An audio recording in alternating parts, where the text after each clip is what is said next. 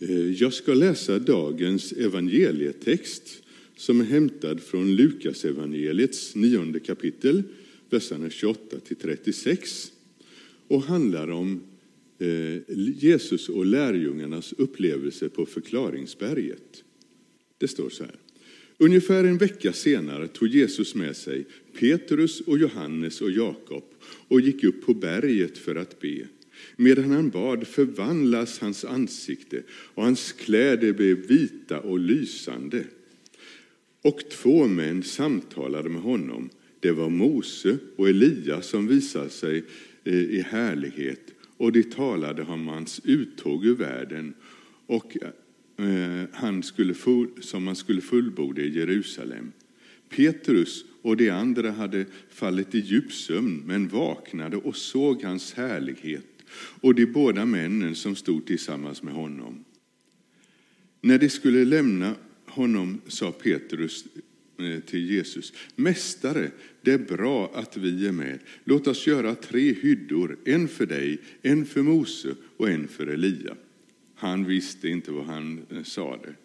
Eh, men medan han talade kom ett moln och sänkte sig över dem, och när det försvann i molnet blev lärjungarna förskräckta. En röst hördes ur molnen. Detta är min son, den utvalde. Lyssna till honom. Och när rösten ljöd stod Jesus där ensam. Lärjungarna eh, teg om vad de hade sett och vid den tiden berättade de ingenting för någon. Ja, den här berättelsen om Jesus på, och lärjungarna på förklaringsberget, den är en mycket viktig berättelse. Den finns med i alla fyra evangelierna, även om de har det på lite olika ställen. Lukas har det tidigt, Johannes har det mot slutet och de två andra evangelierna lite mer mot slutet, men mer mitt i. Men eh, den är någon sorts gränsdragning för innan hade lärjungarna undrat lite, vem är egentligen Jesus? När de blev kallade av Jesus tror jag inte att de var medvetna om det var Messias, utan jag tror de valde att följa Jesus på grund av att hans förkunnelse, att de märkte att det där var någonting med kraft eh, i och som man ville ta till sig. Men sen började de mer och mer undra, är inte Jesus Messias? Och när de frågade Jesus så sa han ofta, säg ingenting om det till andra. Han vill liksom inte framträda riktigt som Messias utan ligga lågt med det. Men efter upplevelsen på förklaringsberget då kunde lärjungarna inte tvivla det minsta längre. Och efter det framträder också Jesus mycket mer som eh, Messias. Och det medförde ju naturligtvis att han fick också fler fiender. Eh, det fanns bland fariseerna många som då började eh, fundera på hur ska vi bli av med den besvärlige Jesus. Han hädar, ansåg de. Eh, efter den här händelsen på förklaringsberget så talar också Jesus mycket mer om att han måste lida och dö. Och det är någonting som lärjungarna har väldigt svårt att förstå. Det går liksom inte ihop med deras uppfattning om Jesus riktigt. Men vi ska gå tillbaka till den här upplevelsen på förklaringsberget och försöka se det ur lärjungarnas perspektiv. Eh, det var nu inte alla tolv apostlarna som var med, utan bara tre stycken. Och det hände vid några tillfällen att Jesus valde ut tre och det var alltid samma, Petrus, och Jakob och Johannes. Och eh, han gick upp på ett berg för att be. Ja, varf, den första frågan är varför på ett berg? Ja, eh, ni, an, eh, ni, som varit på ett högt berg kanske förstår. Eh, enligt eh, kristen tradition är det här eh, förklaringsberget, berget Tabor. Jag har varit på det berget och sett över, ut över Galileiska slätten. Jag tyckte det var en fantastisk utsikt där över böljande kullarna och landskapet i Galileen. Och det är precis som man känner att man är himlen närmare på något sätt. Det är en viss känsla med, att, eh, med den utsikten som man får från ett högt berg. Det är mycket, eh, inte bara Jesus utan många andra som också har eh, valt att komma till höga berg. En av mina stora upplevelser är att stå eh, Kilimanjaro och se ut över den här afrikanska savannen. Och då är det precis som man känner himlens närvaro. Sen det här att Jesus skulle be. Jesus drog sig ibland tillbaka för att be och han måste be ganska långa stunder. För att det står här att lärjungarna hade somnat. Och då hade, eh, bad han nog ganska lång tid där. Och sen vaknade det helt plötsligt. Och ja, det gnuggade sig säkert i ögonen och funderade, vad är det här? Jesus hade förvandlats. Det står att hans ansikte var skinande, hans kläder var vita. Vad är det här? Och sen stod två personer där. Och eh, hur de kunde känna igen vet jag inte. Men att det var Mose och Elia. Och Mose och Elia är ju väldigt viktiga i Gamla Testamentet. Ja, mo, judiska tron brukar kallas mosaiska tron också. Eh, och, där. och Petrus som var yrvaken då, han började yra lite om att bygga hyddor här. För han, Petrus var ju den som alltid måste säga någonting för lärjungarnas talan. Så någonting måste han ju säga. Och sen kom ett moln då. Och sen hörde de en röst. Denna är min älskade son. Aha, då förstod de. Jesus måste vara Messias. Det är ingen tvekan längre. Nu kunde de vara säkra på det.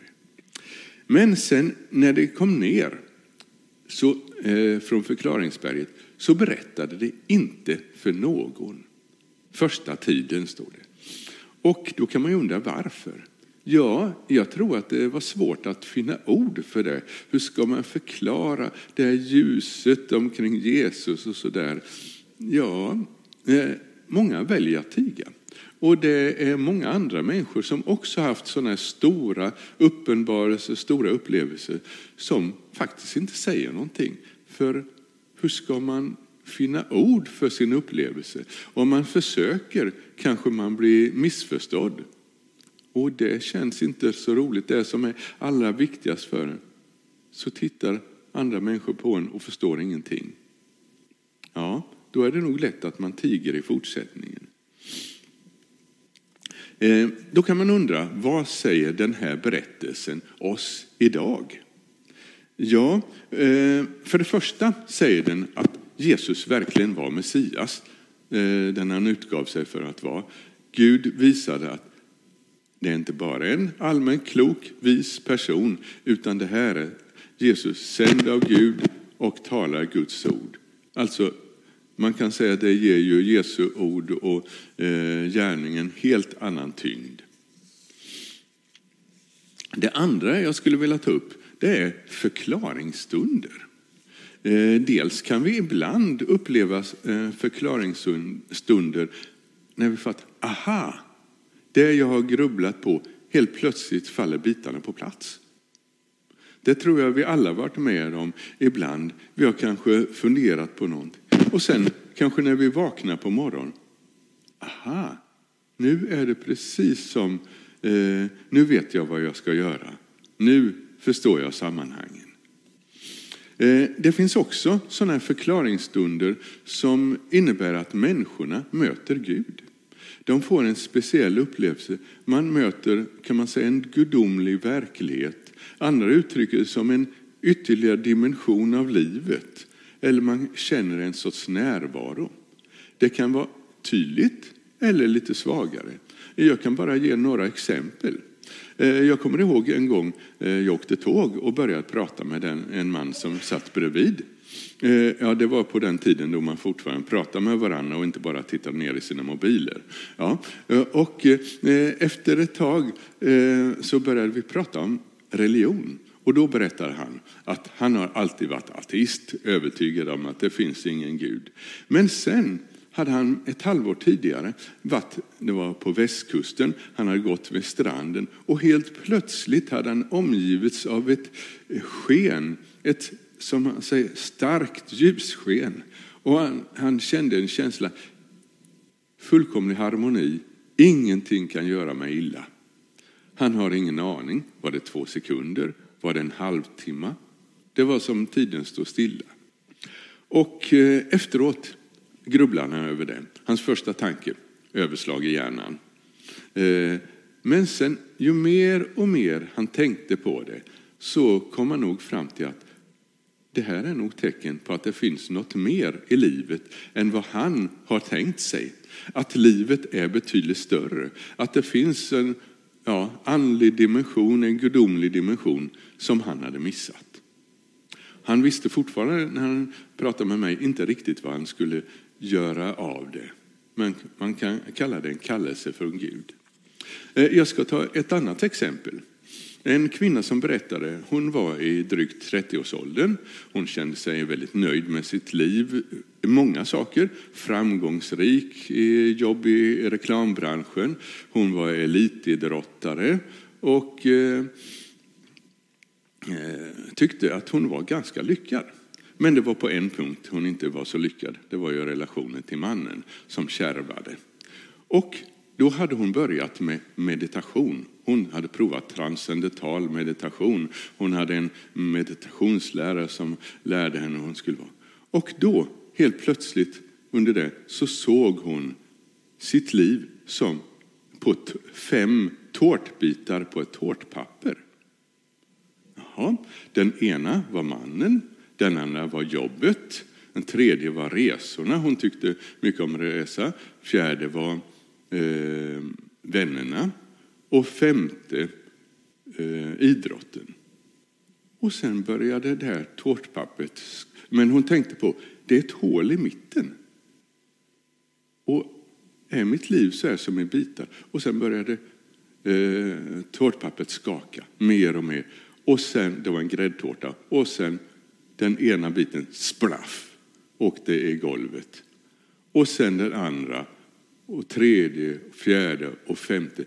Till slut var det bara ett tomt papper kvar. Hon var väldigt uppskakad av, vad är det här? Hon ringde denna sin meditationslärare. Han sa, nej, det är inget att bry sig om, men han kan få ett sånt här. Eh, hon började prata med alla människor hon kände. Vad är det här? Den enda som förstod honom det var en man som eh, sa, du har nog fått en eh, gudsupplevelse. En, en sorts kallelse av Gud är det här. Och eh, han, han eh, fick med henne till kyrkan. Hon hade inte gått till kyrkan sedan eh, ja, någon skolavslutning. Men då mötte hon ett helt nytt språk som talade till henne Va? det här är något nytt. Jag måste upptäcka mer. Och eh, sen så eh, blev det att hon kom att, eh, ja, det här förhållandet till den här mannen kom inte att hålla. Utan det blev den här nya mannen som tog henne till kyrkan, som hon sen har levt tillsammans med. Eh, och jobbet, ja, ja eh, eh, hon kommer sluta sitt och börja läsa teologi istället. Helt nytt liv. Och eh, idrotten, ja karriären närmar sig slutet så det förstod hon. Så upplevelsen kom att totalt ändra hennes liv. Ja. Eh, en del är ju väldigt tydliga sådana upplevelser som Paulus på vägen till Damaskus när han hörde en röst. Saulus, Saulus, varför förföljer du mig? Det finns upp, olika sådana här upplevelser. Men vad som kännetecknat det är att det betyder väldigt mycket för denna människan. Ofta svårt att hitta ord för, men och, och man känner ofta att människor kanske inte riktigt förstår en, så man gömmer det ofta i sitt hjärta. Men det betyder ofta väldigt mycket för en. Eh, det gör att man ja, vill ofta ändra på sitt liv. Man kan säga att man får ett nytt fokus. Innan har kanske fokuset varit på jag på egot. Och nu riktat mot Gud och samtidigt på all andra människor. Jag hör ju ihop med alla andra människor. Jag är precis som alla andra en Guds skapelse. jaha, då blir livet annorlunda. Och många människor eh, berättar om att ja, man har haft sådana avgörande skillnader i livet som har förändrat eh, livet framöver. Och eh, nu är det ju inte alla som har sådana här väldigt starka upplevelser. Eh, en del kan känna aningar. Det räcker att man är ute i naturen vi säger att man är ute en kväll och ser solnedgången, ser alla färgerna mot vattnet. Eh, om man ser över en sjö, färgen, vattnet och himlen och allt har lugnat sig, det är stilla. Då kan man känna, åh, jag hör ihop med all naturen. Allt hör ihop. Och det är så fantastiskt, det måste finnas en skapare bakom. Sådana känslor kan vi få. Eller i möte med människor kan vi bara känna ett möte så här, ungefär som en gudomlig närvaro i det här mötet. Eh, någon sorts ögonblick av närvaro som vi kan känna. Eh, men det är inte bara känslor, utan sådana här upplevelser är till för att vi ska kunna få styrka, bekräftelse och vi får ofta en uppgift. Lärjungarna de fick sin uppgift att föra ut Jesu budskap sen efteråt. Och det är så med oss, att vi behöver eh, uppgifter i livet.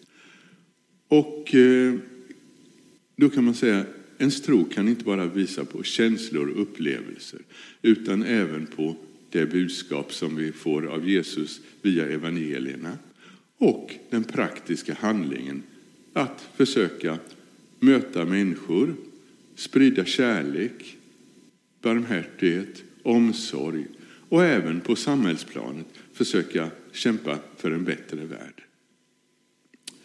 Ja, eh, nu ska jag bara sammanfatta predikan innan jag slutar. För det första, upplevelsen på förklaringsberget är ett tecken på att Jesus var Messias, den utlovade. För det andra, att sådana upplevelser, gudsmöten, ögonblick av närvaro som man kan kalla dem, kan vara oerhört viktiga. Och det är också viktigt att vi försöker vara öppna för det och inte bara slå bort det. För det eh, tredje, upplevs och sådana här möten, det är inte till för vår egen skull, utan det är en kallelse. En kallelse till tjänst. Amen.